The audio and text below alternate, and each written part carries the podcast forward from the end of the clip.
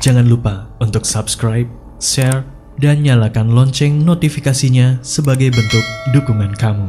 Do you see what I see? Satu kisah yang tidak dapat terlupakan dari balik ruangan rumah sakit hingga akhirnya dia datang menagih janji.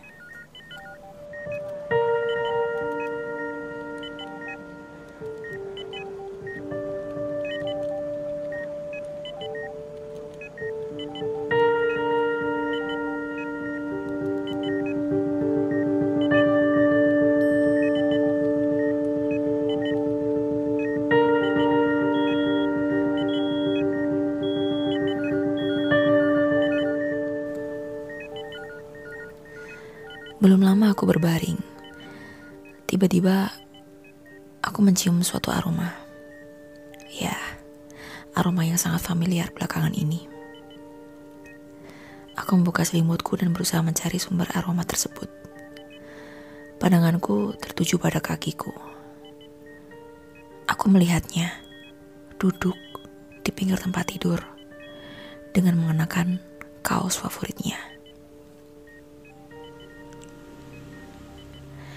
Aku sadari ini adalah aroma khas kamar perawatannya, yakni pewangi ruangan berbau lemon yang bercampur bau khas dari luka di sekujur tubuhnya.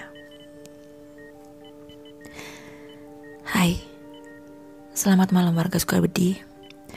Kali ini aku akan bercerita tentang pengalamanku dengan dunia mereka ketika bertugas di rumah sakit tua di pedesaan.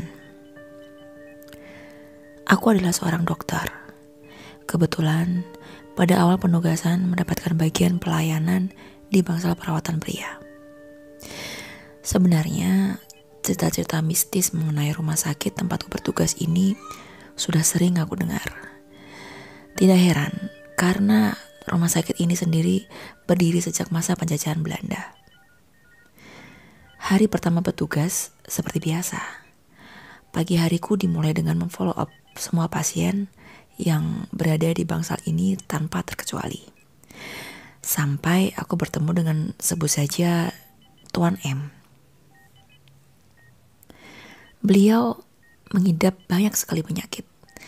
Namun yang paling aku ingat adalah tentang luka-luka di sekujur tubuhnya yang sering kali membuatnya kesakitan. Setiap tiga hari sekali, aku memantau hasil pemeriksaan laboratoriumnya. Tak jarang, beliau memintaku untuk menjelaskan mengenai hasil pemeriksaannya. Kami pun berbincang banyak hal, dan kebetulan warna favorit kami sama, yakni biru. Seminggu kemudian, kondisi Tuan M makin menurun. Awalnya sering tak sadarkan diri sehingga aku harus memantau keadaan beliau lebih intens. Lalu Tuan M ini dipindahkan ke ruang ICU. Tiga hari kemudian kondisi beliau kembali membaik. Sehingga dikembalikan ke ruang bangsal perawatan.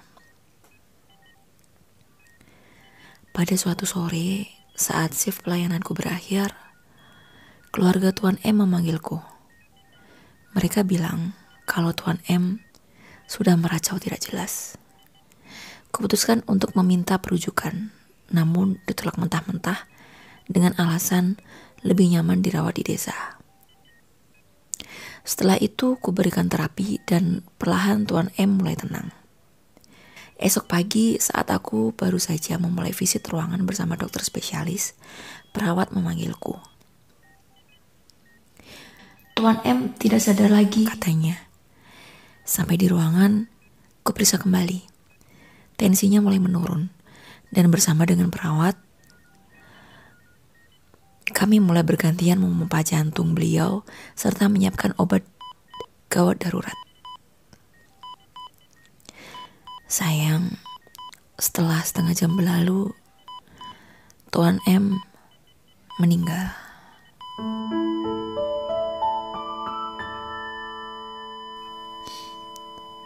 Setelah menjelaskan kepada keluarga dan memberikan instruksi kepada perawat, aku berlalu untuk melanjutkan shift jaga malam.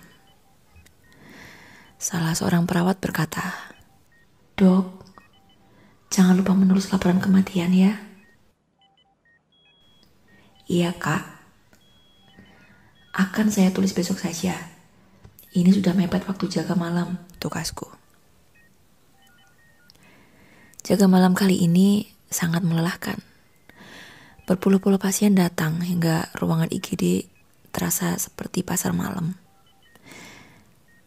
Kamu tidak capek setelah RJ Perry? Tanya dokter S, kawan jagaku. Aku membisu. Waktu berjalan sangat lambat. Aku benar-benar menanti matahari batinku. Pagi hari pun tiba. Setelah mandi dan sarapan, dengan sedikit berkunang, aku berjalan dari IGD ke ruang bangsal perawatan pria. Perawat pun kembali mengingatkanku dengan hal yang sama. Namun, belum sempat aku menulis laporan kematian. Ada lagi, pasien gawat yang perlu pertolongan. Jam sudah menunjukkan pukul 4 sore. Shift pelayananku berakhir. Tapi ada pasien yang perlu dirujuk, jadi kesibukanku belum berakhir hingga aku lupa dengan janjiku.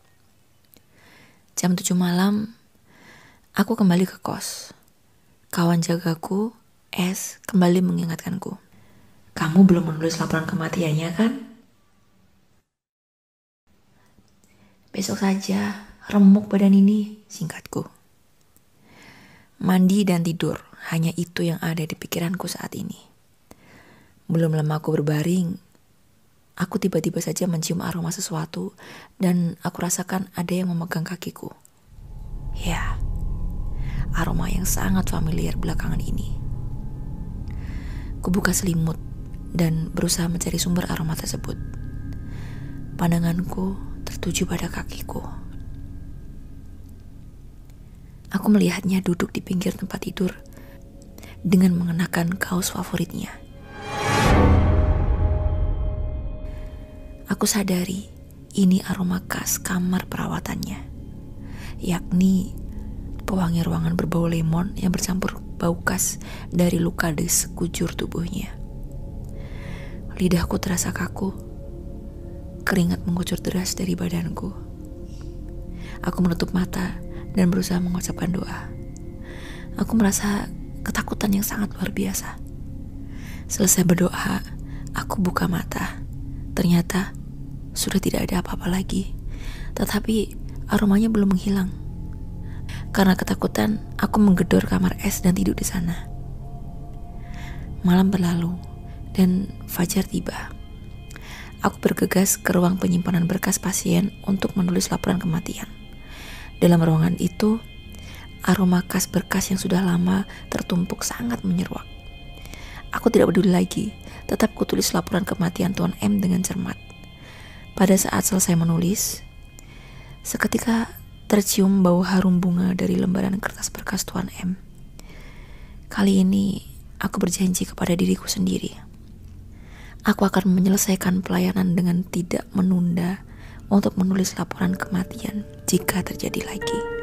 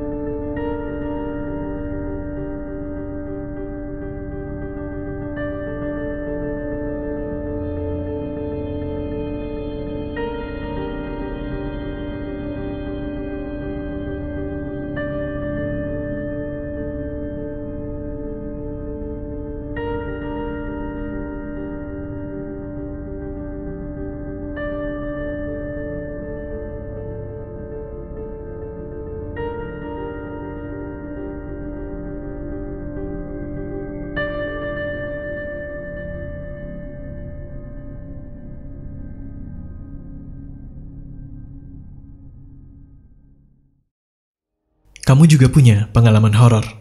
Kirim cerita kamu ke alamat berikut.